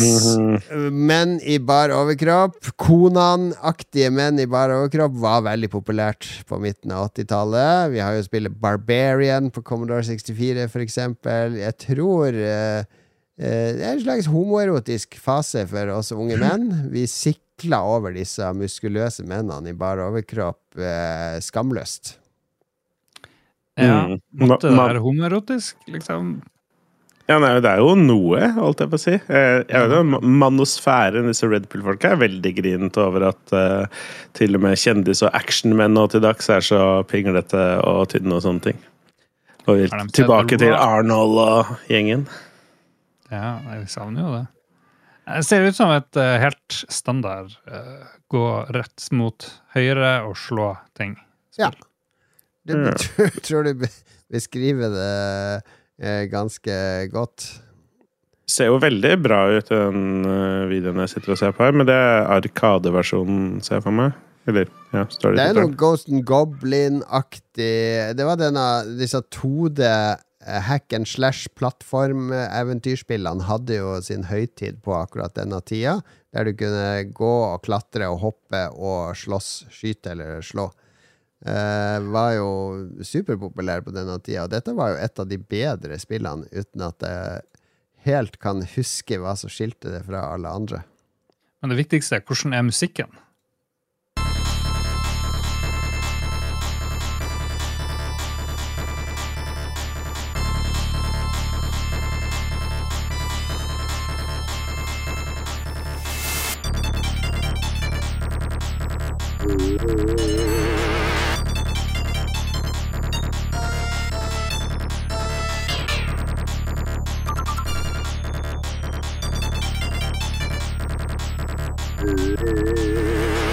Jeg leser også her at eh, det var en del forskjeller på den japanske versjonen og de vestlige. For i den japanske versjonen så forteller, er det sånn narrativ mellom hver stage. Og det har de bare droppa i den vestlige. Det blir for komplisert, så der står det bare 'victory'. Og så, og så går du videre. Next. Men, ja, next. Mens i den japanske så er det liksom en historie som fortsetter, så du kan følge og motivere deg videre. Typisk! Typisk. Ofte, ofte sånn. Jeg ser jo det som etter hvert som fiendene blir mer og mer varierte, og sjuke, merkelige monstre, og nye våpen, og sverd som skyter ildkuler, så jeg hadde jo digga dette spillet som liten. Ja, ja, ja, ja. Det, jeg husker det godt i Arkadehallen, at det så helt magisk ut. Eh, det var så fargerikt og visuelt bra, og masse som skjedde på skjermen. Så ingenting å utsette på Rastan Saga. Så Sist ut er nok et Arkadespill, denne gangen fra Atari. Uh, og Robert Weatherby sitt uh, racing slash skytespill Road Blasters. Uh, For det var en bisarr blanding av racing og skyting, der du skal kjøre en, en armert sportsbil gjennom eh, 50 forskjellige rallyer. Eh, kommer jeg til, til mål uten å slippe opp for bensin, og samtidig driver og blaste biler du møter. Helikopter dukker opp av og til og slipper ned power items til deg. Eh, du har eh, to fuel tanks du må holde full, osv. Litt spesielt spill, egentlig. Vehicular combat-sjangeren var ikke veldig sånn utvikla på denne tida. Nei, veldig kult kabinett, da. Mm. Det har sagt, det så veldig stilig ut. Men ja, det hadde kanskje ikke vært noe Twisted Metal? Er det det? Det er andre kjøre bilspill-greiene? Uten dette her? Ja, det er kanskje en inspirasjon. Det hadde også, spillet hadde jo også en, en uh, kommersiell avtale med lekeselskapet Matchbox, som lagde lekebiler i metall. Uh, og de lagde jo, tror jeg, denne bilen som du kjører i uh, Road Blasters, som en egen lekebil du kunne kjøpe i butikken. Uh, hva mer kan vi si om det? Det dukker opp i Wreck-It Ralph-filmen, faktisk. Uh, Ah. så det er jo en artig throwback. Uh, men det er, det er jo et av disse spillene som har tapt seg ganske mye med årene, som kanskje ikke er så morsomt å, å spille i dag som det var da. Det har, det er en estetikk. Det er veldig sånn eh, Det jeg kaller for Red Crew-estetikken. Fordi det ser ut som et retrospill skal se ut. Altså Den retroestetikken Den stemmer ikke alltid overens med hvordan faktisk de gamle spillene så ut. Men hvis du ser på video av det her, så ser det veldig ut Det ser ut som noen har laga den footagen for å bruke i en moderne TV-serie som er satt til 80-tallet. Hvis du skjønner hva jeg mener. Ja, jo da, du tenker Ja, det er, litt Det har det neonpreget, men også litt av den glade outrun-greia. Så det er en sånn kombo. Mm, det er det. Men, Musikk. Men, men hvorfor, skal, hvorfor skal den der eh, synthwave-greia være så mørk, og du skal helt, alt skal være lilla og, sånne ting? Ja, for sånn Det var, var det ikke sånn. på 80-tallet. Det var ikke alt det lilla og, og blå. Men, eh, men her, det, her er det litt det i bakgrunnen, og himmelen og sånne ting. Mm. Så de prøver seg litt, men det er ikke så glowy som det er i, i disse okay. Ok. siden jeg ikke spilte eh, noen av de her, så er jeg også spent på musikken her. da. Etter- Ja, fordi jeg, jeg syns vanligvis spillspill er ganske kjedelig for det meste, med noen små unntak, så musikken bør være jæksla bra her. Oh yes.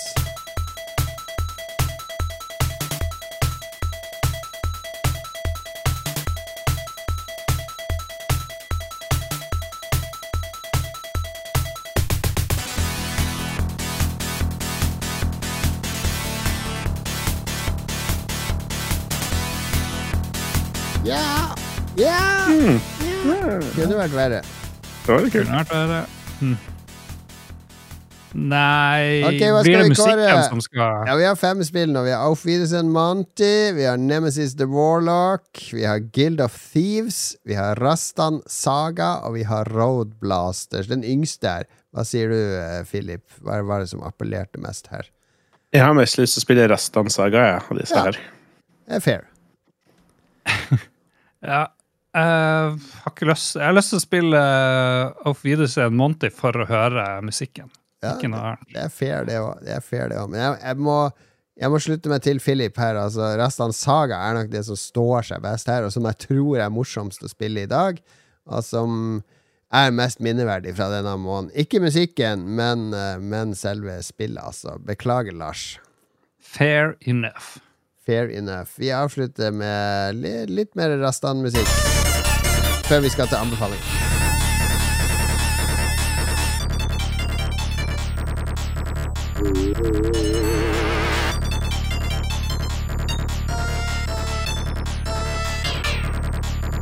Det høres ut som sånn der uh, musical musikk, det der med sånn kor og mhm, mhm. Ja. La, la. Bra. Bra gjort. Bra komponert. Vi liker det. Composeren heter forresten eh, Naoto Yagishita Masahiko Takaki.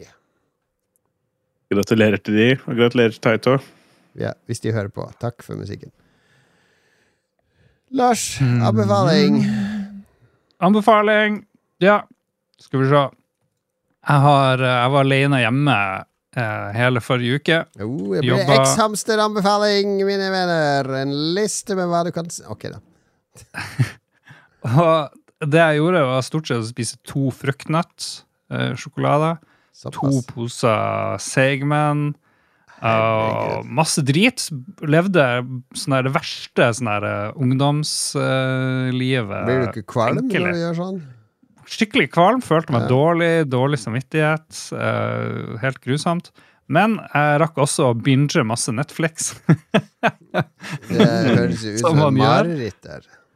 Ja, det, det var helt forferdelig, egentlig. Men uh, noe av det jeg så som var litt morsomt, som var liksom best of the worst, det var The Recruit. Som er en sånn Netflixifisert versjon av en Amazon Prime-serie som jeg ikke husker helt Jack Ryan. het.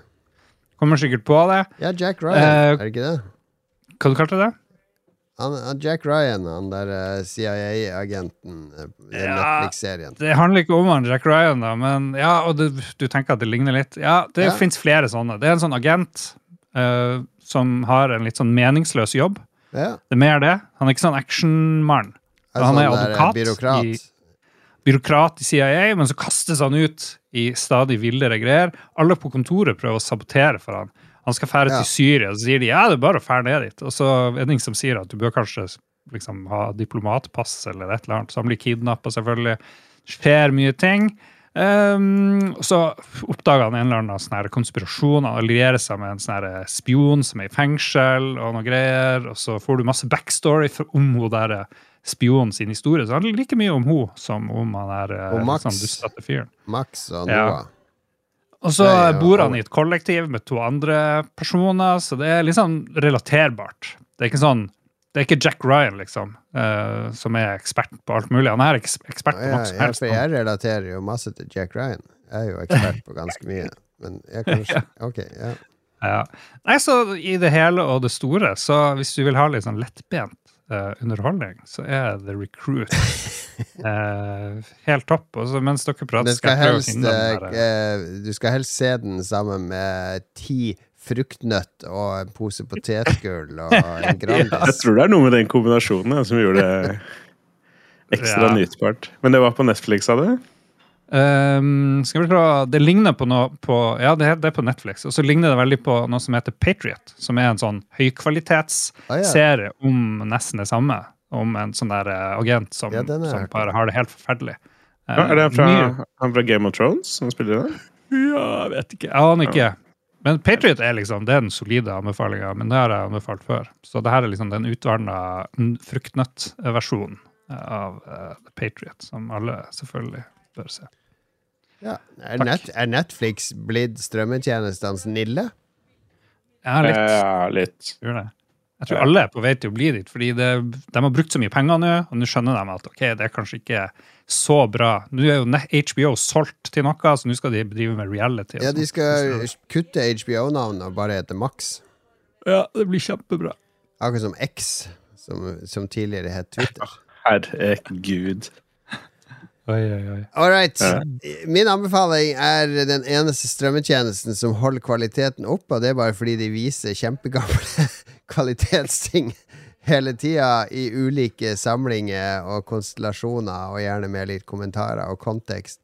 Fordi eh, Criterion Channel, som du må VPN-e deg til for å registrere det, og så kan du bare legge inn PayPalen din, og så kan du slå av VPN, og så har du access så lenge du fortsetter å betale 70 kroner i måneden.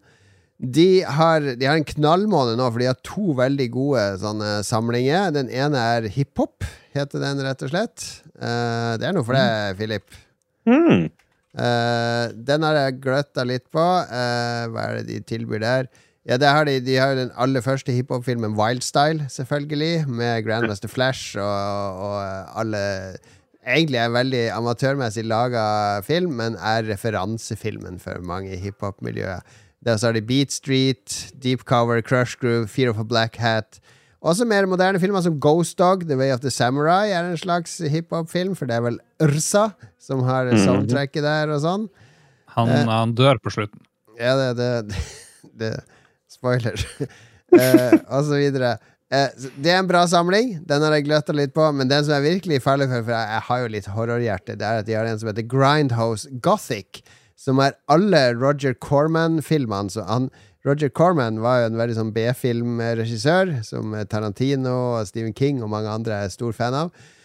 Som lagde horror på 50- eller på 60-tallet, og han satte seg for å filmatisere en hel haug med Edgar Allan Poe-noveller. Så han lagde vel eh, to, fire, åtte filmer eh, basert på Edgar Allan Poe. Der syv av de har Vincent Price i hovedrollen. Det er jo han som lagde Edvard Saksehånd, eller han stemmen i Thriller, for dere som er ung. Han derre Creatures of It's the night. running through the shining run- in search of Finding your neighborhood. Dritskummel. Ja, det er Vincent Price. Han var jo horror, ble jo horrorkingen kongen gjennom disse filmene. Og eh, det som er kult med denne Grindhouse-serien til Roger Corman, er at han har en veldig bra cinematograf med. For de brukte hele widescreen-formatet og veldig fargerikt. Og settene det har de raska sammen av ting de har funnet på andre filmsett. Og stjålet og lånt og alt sånn. Men uh, det er så god stemning i disse Roger Corman-filmene. Så kanskje hvis du skal bare se én av de, så gå for The Pit and the Pendulum. Som er, det er en tosiders novelle av uh, Edgar Allan Poe, som han har spunnet ut til en uh, fortelling om galskap, uh, rett og slett. Og noen, noen ordentlige gufne øyeblikk. En annen kuriositet av disse Roger Corman, Edgar Allan Poe-filmene, er jo The Raven fra 1963, som jeg tror er debuten til Jack Nicholson. Han er med i den filmen. En purung Jack Nicholson. Akkurat nå så ser jeg The Premature Burial om en mann som er livredd for å bli begravd levende, og gjør alt han kan for å forhindre det, så han har laga sitt eget gravkammer med en sånn likkiste med sånn knapp i, som han bare kan åpne, og, og øks inn i tilfelle han må hakke seg ut, og så videre. I tilfelle noen begraver han levende i den spesifikke grava? Ja, ja, ja. Ja, ok. Vi er i den gata. Men det er, det er Jeg elsker jo det er 60-talls uh, filmestetikken og følelsen og disse dvelene. Det går litt treigt i disse filmene, og dialogen er litt oppstilta, men uh, det er så kos. Roger Corman sine Edgar Allan Poe-filmer, altså. Finnes sikkert masse av dem på YouTube òg. Ja, så bra. Eh, jeg er jo litt mer kontemporær um, på, på begge måter. Jeg skal først gi en liten shout-out til et og par vulgær, om jeg må be. Ja, det, den skal jeg godta. Uh, bare shout out til et par nerdesteder som alle veit om, men er ekstra kule. Uh, både Outline Oslo og House of Nerds Oslo får en ekstra shout-out til meg denne uka her. Uh, Outline Oslo for å være veldig kule på å bare uh, ta imot ting som jeg ikke trenger, eh, og brukte masse penger på, og la meg kjøpe andre ting isteden. Uh, og så spiller jeg jo Dungeon Dragons der en gang i uka på mandager. Uh, der er jeg med en Dragonlance-kampanje der. Det er veldig artig. Og så selvfølgelig vi, spilte vi Dungeon Dragons med denne Curse of Strahd-gruppa vår. Den der, eh, som vi driver og streamer. Uh, da fra House of Nerds i Oslo. På um, ja, nå her for en uke, halvannen siden. Og det var veldig artig. og da, Stor takk til de for å ha latt oss få et rom og hjelpe oss masse med ting og styre åren. Så det var veldig artig. Men etter at jeg setter det ferdig på eh, Edgar Allan Poe-filmer, så kan dere slenge over på Netflix, og der ligger det en flunka ny hot fresh sesong av en av de beste reality-seriene noensinne. Too Hot To Handle. Ja, det stemmer! Serien der dødsheite, kjempedumme, megakåte mennesker puttes sammen i et hus og får trekk i pengepremien hver gang de bruker eh, hver gang de, bruker, hver gang de puler eller kysser eller tar hverandre. Den er tilbake med kanskje en av de bedre sesongene noensinne. I løpet av de første tre episodene så er det De har bytta par så mange ganger, og det er utroskap, og det er penger som går i dass, og det er alt man vil ha. Helt fantastisk. Hvor du så det her, sa du? Eh, på Netflix. Ja, Det er trengt. Generell ny sesong.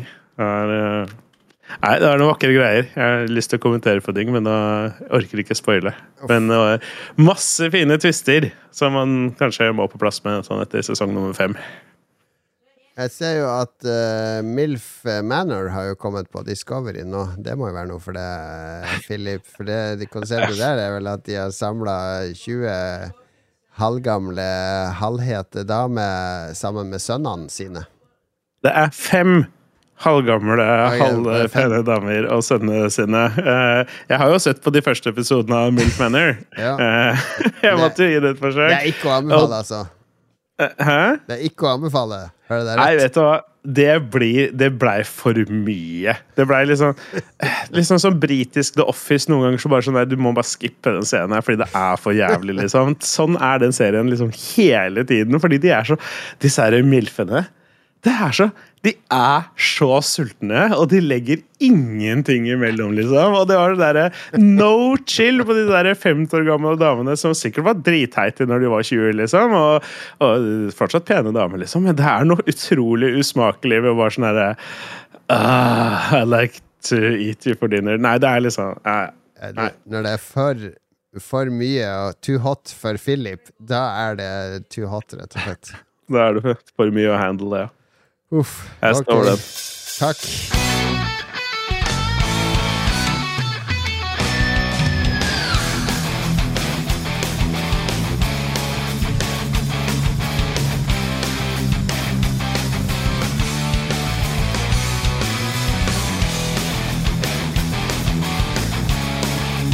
Sigarelli 2, mine damer og herrer som hører på. Vi er i lytterspalten, og har vi noe lytterbidrag i dag, Lars?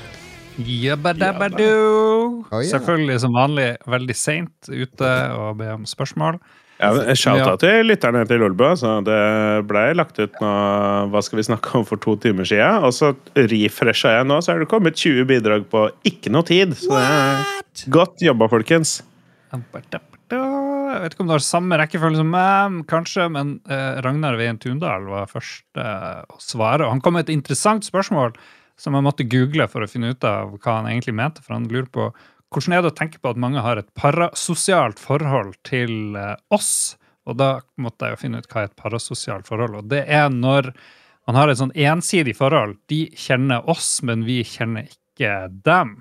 Um, og da er jeg jo umiddelbart litt uenig, for vi har jo møtt veldig mange mange lyttere opp gjennom årene. Så vi vet jo hvem dere er. Og fellesnevnet er at det er litt sånn hyggelige folk vi kommer veldig godt overens med.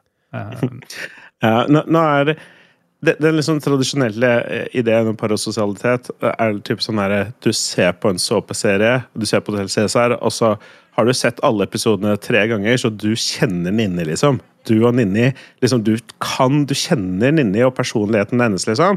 Så når du møter skuespilleren, så føler du at, liksom, ja, at det er en greie der. Og så spesielt barn barn nå må har du skvære opp med Jens Augusten inni. Kan ikke holde på på den måten ja, ikke sant? Nei, nå tar dere sammen nå. Eh, spesielt barn får veldig ofte sånn til liksom, ja, eh, alt fra Max Mekker til andre typer ting. Og dette var liksom i mange år noe som bare var litt sånn semisært, noe som eksisterte, noe som noen tok for langt. Men det som er litt sp spesielt nå, er jo at eh, den parasosiale linjen har liksom blitt skjøvet litt. Fordi det er jo masse folk som sitter og hører på Lolbua og tilsvarende podcaster, som da kjenner oss ganske godt, for vi er jo ganske utleverende på lufta og snakker om ting og sånne ting. Mens eh, i, nå, så i tillegg til å høre på oss, så kan de gjøre ting som å sende inn spørsmål som vi prater om, og hvor vi på en måte direkte på en måte interagerer med de, men på en veldig sånn indirekte måte. Eh, de ser på streamer og sender inn kommentarer, og vi møter de på meetups og sånne ting. Og vi, vi kjenner de jo fortsatt mye mindre enn de kjenner oss. Ja, vi kjenner Men- ikke i det hele tatt. Ikke sant? Det er Nei, det som er skjevheten i forholdet. Fordi vet om eh, Lars sin hund, og de vet om eh, ungene mine, og de vet om hvor jeg har jobba, og min, hva jeg har gjort, og at jeg, ikke, at jeg er skeptisk til enslige folk med hund. Og de vet jeg- så veldig mye om meg at jeg synes når jeg møter folk, så blir jeg litt sånn der eh, eh, eh, Ja, du, eh, hva, hva skal jeg fortelle om meg sjøl som du ikke vet, liksom? Ja, men det jeg tenker på, det er jo at alle som har spurt nesten om å være med her, sånn Mm. som Ståle Baldvinsson og Punti og liksom de folkene der, Christian Tjessem Det er jo folk som hørte på oss, og så har de gjort det lille ekstra på et Ja, ja. vis, og så er de med. Så alle Nå kan egentlig angrer de som bikkjer bikkje og skulle gjerne hatt det para, paranormale, parasosiale forholdet igjen. Så da ble det parasosiale forholdet et ekte forhold. Ja, det er sant. Skjøtt, altså. Å, husker du det? Når Ståle og Kristian bare var lyttere? Og det var digg. Og med unntak av kanskje én person som tok det parasosiale forholdet litt langt, eh, tror du vet hvem jeg snakker om, Jon Cato, så er jo 99,99 ,99 av alle vi møter i Lolbo, er jo helt kongefolk som vi henger fint med. Det er nå min opplevelse. Ja da, det er fine lyttere. Så, men jeg, eh, jeg, tenker, jeg tenker mest på det i forhold til at jeg vet at det er folk på jobb som hører på. Og der Mm. har jo jeg en, en eh, jobb eh, jeg, er jo- en Jeg har jo en rolle på jobben som, som jeg skal være, og det er ikke den samme rollen. Så jeg er jo egentlig bare 90, eh, jeg er 100 en karakter i alle Lolbua-episodene. Det er ikke sånn jeg er i det hele tatt i virkeligheten. Ja, det er absolutt. Siden, siden temaet først er opp, da, så er det litt, det er litt sånn greia med Onlyfans-modeller og sånn, som gjerne blir dratt opp som problematisk. Men det er ikke noe problematisk å liksom selge bilder av kroppen sin og sånn, men eh, ofte så eh, blir det utnytta et litt sånn parososialt forhold, hvor det blir sånn Bare betal meg 10 dollar, og så kan du sende meg en melding. Og så hvis du betaler 20 dollar, så kan du sende meg en melding som jeg svarer på. Og da blir det en sånn type ja, utnyttelse av det parasosiale forholdet, som ikke er så bra. Ja, nei, sånn kommer Det er ikke noe for oss. Apropos det der, nå kommer jeg på noe som jeg kan ta opp her. Det er tid til det, er det ikke det? Jo, jo. Kjenner dere til han der eh, Han Daniel Mack? Eller It's Daniel Mack? Han er en sånn der uh, ung dude som løper med mobilen opp når det kommer en sånn dyr bil. Så løper han opp til førersetet sånn der Oh, great car! Uh, what do you do for a living? Det er liksom hele konseptet til TikTok-kanalen hans, som selvfølgelig også er Instagram og og uh, Snap og hele pakka. Det er å løpe opp til dyre biler i USA og, og rett på sjåføren og spørre hva de jobber med. Og det er jo blitt eh, Det virker jo ganske I starten så var det nok relativt ekte, for han stilte seg opp for å utføre sånne kjendisfester og sånne ting, og så får han jo kjendiser på kamera som sier «Jeg er DJ og ditten og datten. Så det var litt morsomt, men nå er det litt mer innøvd. Men det er en sånn greie jeg har reagert på der, for de kommer opp til sånne dudes, så er de alltid sånn business owners, eller de uh, selger recreational marihuana. eller de har liksom sånne kule jobber. Eh, I run a dentist company og bla, bla, bla. Men når han løper opp til sånne hotte unge damer, så er det Onlyfans. Onlyfans, Onlyfans, Onlyfans. Onlyfans. Det, det er ikke en eneste kjerring jeg har sett i de videoene hans som faktisk driver en uh, normal business. De bare selger kroppen sin. Og det er ganske, det er ganske skadelig, de videoene der, har jeg tenkt over. Han må da vel ha Er det for kjedelig når han møter en dame som Å, nei, jeg driver, driver et uh, utleieselskap for leilighet. Jeg vet ikke. Jeg bare, det var en rant. Det var en rant. Jeg hater Daniel Mack. Slutt med det du gjør. Daniel Mac. Ja. Nei, jeg har lyst til å kommentere på det, men da sitter vi her i tre minutter til bare på det spørsmålet. Så videre til neste. Ja, Vi går til han Roar, som vil at vi skal snakke masse om pen and paper-rollespill, Dungeons and Dragons og Baldur's Gate 3. Det har vi gjort allerede, men vi kan godt snakke enda mer om pen and paper-rollespill. Og det har vi planlagt i høst, Lars, for da skal vi prøve å få med han eh, Anders eh, som gjest. Anders lager jo eh, et av årets mest lovende spill. Eh, Black Skald heter det vel, hvis jeg husker rett. Norsk eh, retro-rollespill. Han er også god venn av vår avdøde venn Jens Arthur, og er på nivå med Jens Arthur i rollespillkunnskap, så jeg tenker vi skal ha en rollespill-spesialepisode da. Oh. Det høres bra ut. Det høres bra ut. Spennende. Se på de nye kule terningene mine. Er det i metall? Ja, det er vanskelig å se. Ja, metall. Veldig kule. Og røde. Eh, det er det eneste at jeg har jo for det meste spilt disse spillene, eller DND eh, online. Men det er noe litt spesielt å spille det rundt et bord. Det er noe en Ja, litt dere annen sitter Dere sitter med PC-ene foran deres uh, allikevel. Det gjorde ikke vi i vår ungdom! Ja, fordi det skal Jeg si, jeg nevnte det så at jeg bytta inn noe på Outland. Det jeg bytta inn var for Første dagen jeg, gangen jeg dukka opp der, så kjøpte jeg en Players Handbook. For jeg måtte jo ha den fysisk, liksom, når jeg skulle spille fysisk. Jeg var den eneste som hadde den. Alle andre bare har alt på mobilen eller laptop. eller noe sånt. Så, ja. Det, du skal ha boka, og Ja. du skal ha karaktersheetet på et ark. Du skal ikke sitte med noen en laptop. unødvendig. Ungdommen! Ungdommen! Eh, Han Jarle Hagdorsson han sier at vi får tre milliarder til å lage en film. Hvilken regissør velger vi, hvilke skuespillere er med, og hva handler filmen om? Det er ingen krav om at filmen må tjene penger. Da blir det John Woo. Uh, kommer tilbake. Han sitter sikkert i rullestol nå, men han må lage noe mer. Eller jeg skal bruke de tre milliardene til å, å eh, fly ut alle de her gamle Hongkong-regissørene. Så Jeg vet ikke hva som har skjedd med dem. uh, nå skal jeg bruke de tre milliardene til å lage en sånn Hongkong-aktig village her i Harstad. Så må de lage sånne her, eh, bare filmer hvor de skyter med én pistol i hver hånd Ja. og driver og kjører på. Hva med det, Philip? La meg være å velge regissør, egentlig. Resten er, sier mye seg selv. Du kan regissere sjøl. Ja, kanskje jeg bare gjør det. Tar pengene sjøl? Ja, så er alt greit. Nei, jeg, jeg vet ikke. Jeg hadde sikkert bare kasta penger på Nolan, da, tenker jeg. Um, og så ville det jo bare vært en Final Fantasy 7 uh, live action uh, eh, Har du sett Oppenheimer? Har du ikke fått sett den? Of. Nei, den har jeg ikke fått sett ennå. Litt lang. Litt lang. Kanskje den skulle vært en time kortere. I don't know. Trenger ikke se 50 flashbacks fra Eh, jeg, jeg, Oppenheimer. jeg skal også lage film, og jeg tar uh, Nå skal jeg ta det du burde svart, Lars. Så kan du angre. Mhm. For jeg skal ta Miyazaki eh, lage sin siste film nå. Han får ikke lov å pensjonere seg, for han får tre milliarder for å lage en til.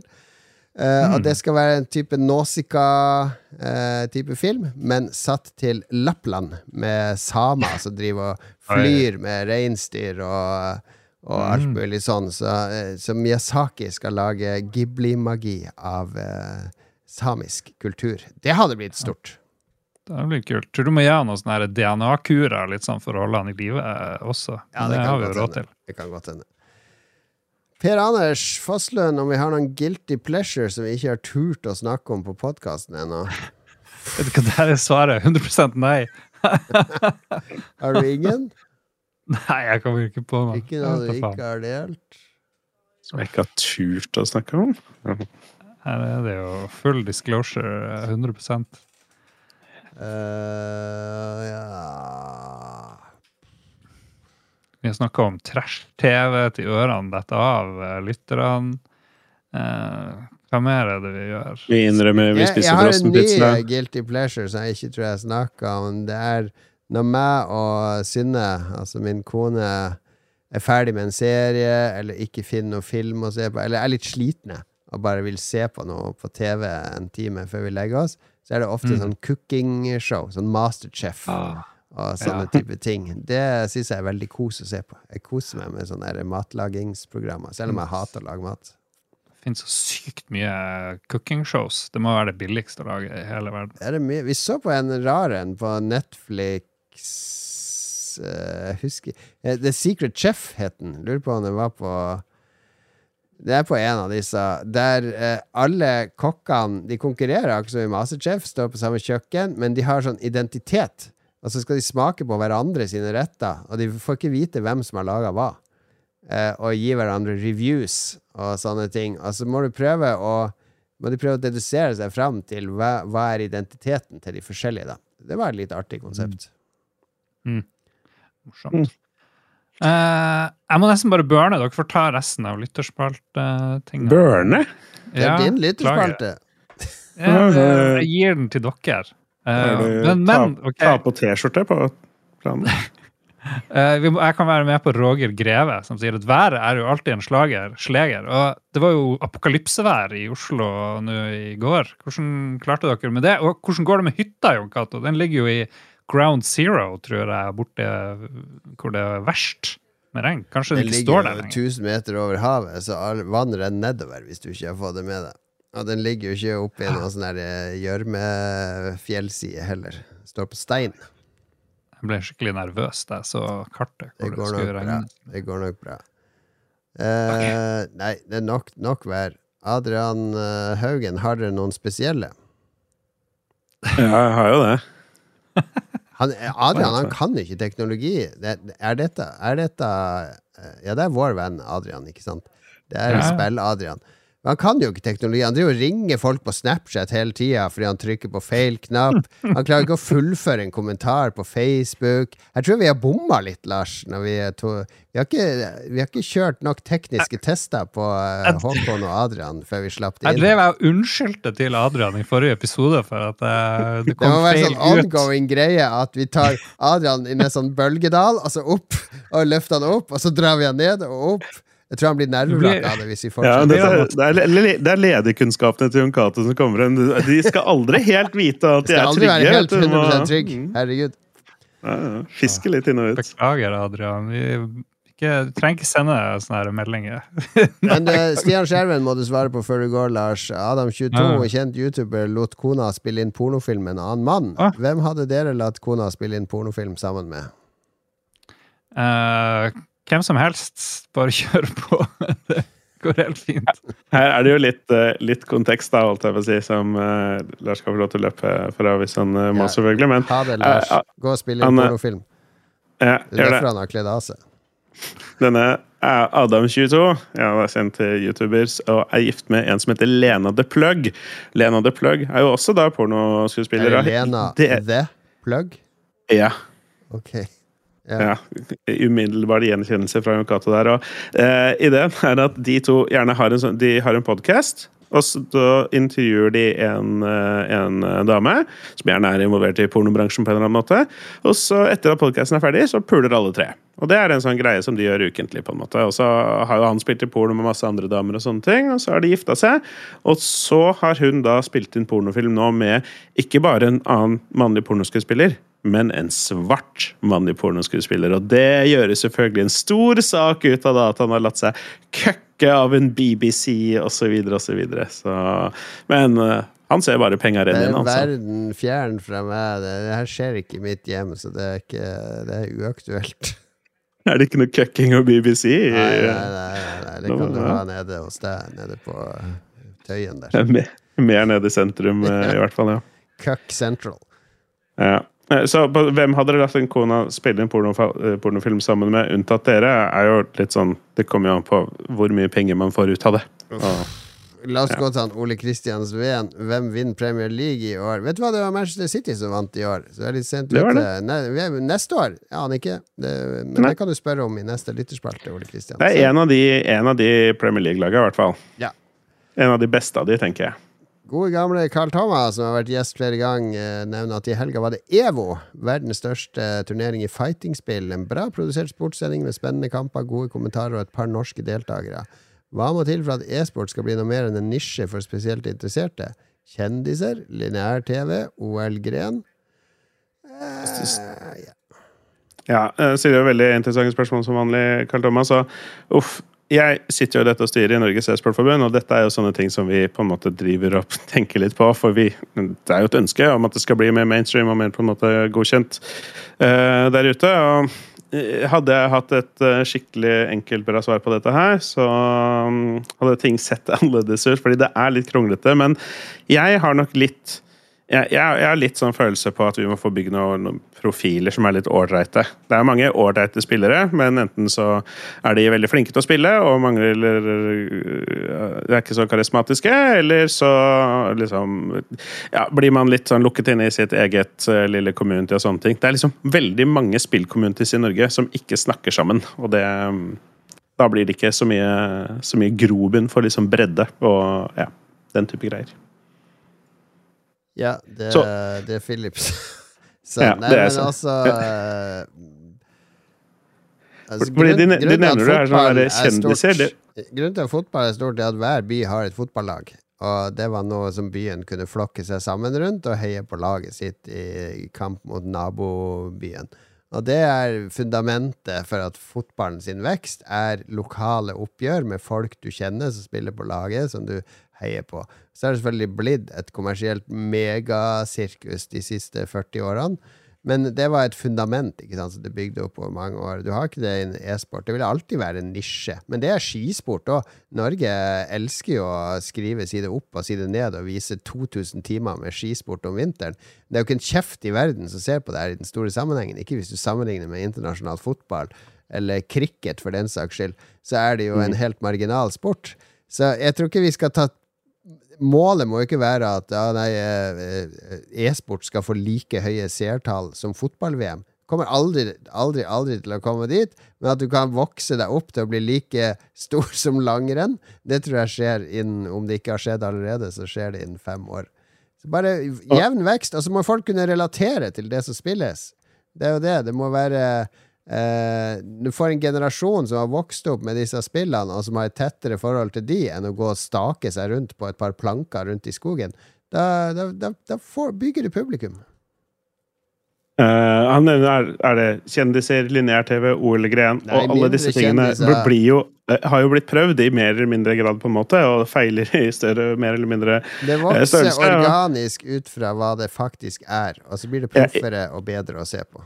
Ja, og det er det som er litt av problemet, er at e-sport har hatt en sånn kjempemerkelig på en måte et, et fødsel og oppvekst, hvor i stedet for at å være lokalt forankra, så er alt på en måte veldig defragmentert og sånne ting. Så er det kanskje i byen så er det noen som starter et e-sportlag, men det er jo ikke utelukkende for folk som er fra den byen. De kan jo liksom ha hvem som helst på det laget, og så er det ikke noe den lokale forankringa lenger. Internasjonalt så finnes det fire forskjellige internasjonale e-sportforbund som alle claimer å være de internasjonale e-sportforbundene, liksom, og eh, ja, en del sånne ting som, ja. All right. Folk hater e-sport, så nå har vi mista alle lytterne. Per Søvik lurer på hvem er Hans, og hvorfor er han så sint? Det lurer jeg også på. Ja. Jeg, jeg, jeg, list, altså, disse meteorologiske institutt som lager navnene på disse stormene, de har en hemmelig liste som bare noen få i Meteorologisk institutt har tilgang til. Uh, og de vil ikke si hvilke navn som er der, bortsett fra at det er ikke for navn på kongelige eller veldig kjente personer, for de vil ikke at folk skal harselere med det. Uh, uh, og neste navn blir kvinnenavn og begynner på Y. Så da blir det Ida eller Inger eller Ingrid eller uh, Ja, mm. noe sånt som kommer neste gang. Det er interessant. Interessant. Riktig. Det er bra termin rundt, da, så har man liksom et gratis navn. Mm. Og blir foreslått, føler jeg. Uh, Pål Sørensen Malberg spør selv om dere sjelden har gjester i podkasten, kan dere tenke dere å ha gjester fra gamingindustrien eller andre kjente spillere i fremtidige episoder? Hva slags gjester vil dere i så fall ønske å ha med? Og gjester dukker jo opp med jevne mellomrom. Har, altså, hovedgrunnen, hvis jeg skal være helt ærlig, at vi ikke har gjester det er at uh, meg og Lars vi har gått fra å Når vi starta Lolbua, så var jeg frilansjournalist. Tjente helt greit på det, eh, men jobba med spill 24 timer i døgnet. Og hadde masse overskudd til å lage alt mulig. Og Lars hadde dead en jobb i en eller annen avis. Så vi hadde masse fritid og meg, kunne bruke masse energi på det. Men akkurat nå så er jeg og Lars begge har litt sånn lederstillinger som er ganske krevende. Og som tar, ja. femsifra millioner i året? Ja, vi, vi, tjener eh, godt begge to, men vi jobber mye begge to. ikke sant? Så Lolva har vi klart å spisse til noe vi lager hver uke, og som vi fortsatt liker å lage, men det er begrensa hvor mye tid. For det å få inn gjester og sånn, det krever litt koordinering, det krever eh, da må du tilpasse innspillingstidspunktet når det passer for en gjest. Og når du har ansvaret for tre unger osv., så, så er det ikke så lett. Nei, det er bare søndag klokka tolv som passer for meg og, mm -hmm. og droppe familieselskapet. Altså, det, er, det voksenlivet holder oss litt tilbake eh, på de tingene der. Men som jeg allerede har nevnt, vi har tenkt å ha noen gjester. Det er bare at eh, det må skje i perioder der, vi, der det klaffer, og der vi vet at de gjestene er med. Det du egentlig sier til Pål, er at han bør være fornøyd så lenge han får noe Lolboy i det hele tatt? ja, altså det Pål ikke vet, er jo om eh, Dag Thomas har trent opp en AI med meg og Lars til å, å, lage episoder med våre stemmer. Det kan jo hente allerede. At vi bare sitter og har ikke laga episoder på et år. Jeg er spent på om lytterne eventuelt la merke til overgangen. Jeg skjønner ikke hva du sier, Philip. skal vi ta og avslutte. Tusen takk til Nei da, vi har tre igjen. Respond not found. Uh, kjempekjappe. Vegard Fossum lurer på hvem av oss som er best til å løse Rubiks kube. Jeg tipper deg. Uh, ja, hvis jeg kan ta den fra hverandre. Da får du lov til det. Dag Thomas lurer på om vi er redd for AI hevndogging. Jeg, jeg omfavner alt med AI. Jeg er ikke redd for noe med AI nå. Det er så mye Alt, alt som står om AI i avisa Her må vi passe på! Her må vi, her, må, her, må, vi, her må vi passe på! Her må, her må vi passe på! Pass på! Pass på nå! Pass på! Det, det, det, jeg skulle tro det, det Det er ikke en AI som kommer til å sende ut atomvåpen for å drepe oss. Det er en AI som kommer til å ta fra noen, noen jobber, men eh, that's it. Ja, Det går seg til. Og hvis det er noen som lager AI hevndogging av meg, så er det vel Dag Thomas, så det går seg vel til.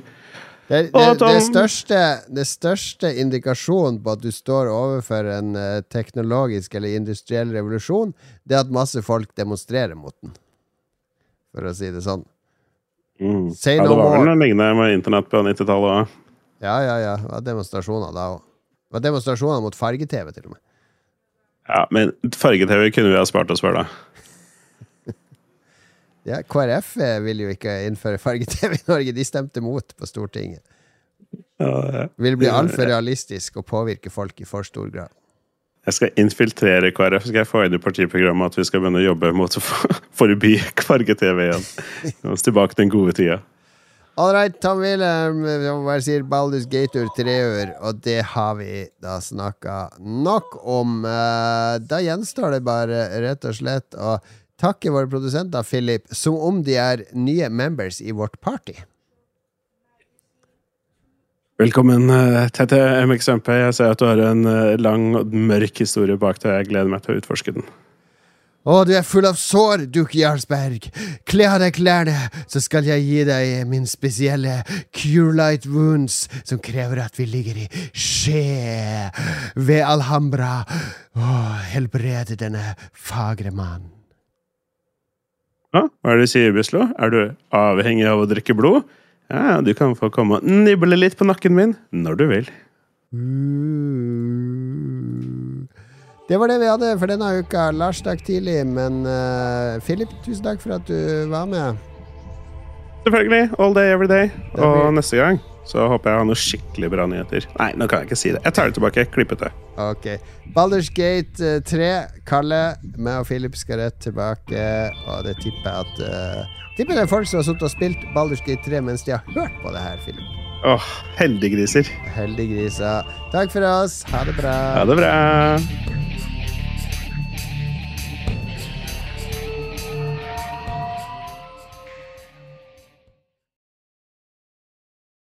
Har du et enkeltpersonforetak eller en liten bedrift? Da er du sikkert lei av å høre meg snakke om hvor enkelt det er med kvitteringer og bilag i fiken, så vi eh, gir oss her, vi. Fordi vi liker enkelt. Fiken superenkelt regnskap.